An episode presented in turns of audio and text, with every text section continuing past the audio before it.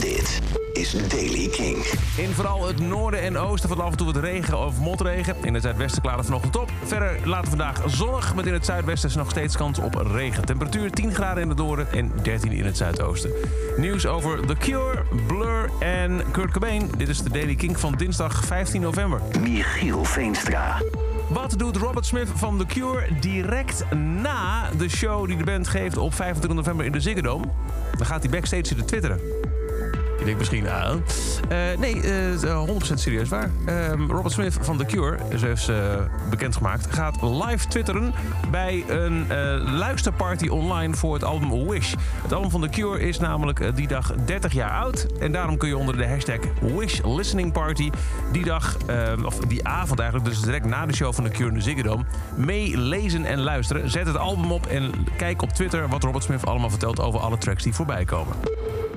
This is not a drill. Blur komt weer bij elkaar. De Britpop-iconen staan op 8 juli 2023 in het Wembley Stadion in Londen. We houden ervan om onze nummers te spelen en dachten het wordt er maar weer eens tijd voor, zegt Damon Albarn over de reunie. Graham Coxon, de gitarist van de band, zegt... ik kijk ernaar uit om met mijn Blur Brothers weer op het podium te staan. Blur live shows zijn altijd geweldig. De gitaar versterken voluit en overal lachende gezichten. Vooralsnog gaat het om één show. Juli volgend jaar dus in Wembley in Londen. Hopelijk komt er nog meer achteraan. Mocht je een poging willen wagen... de kaartverkoop voor de show begint komende vrijdag 18 november. En dan een elektrische 1973 Fender Mustang.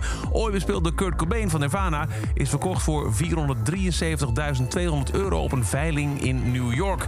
Het gaat om een gitaar die Cobain al in 1989... in de eerste vroege dagen van Nirvana bespeelde tijdens twee concerten... en daarna volledig kapot sloeg.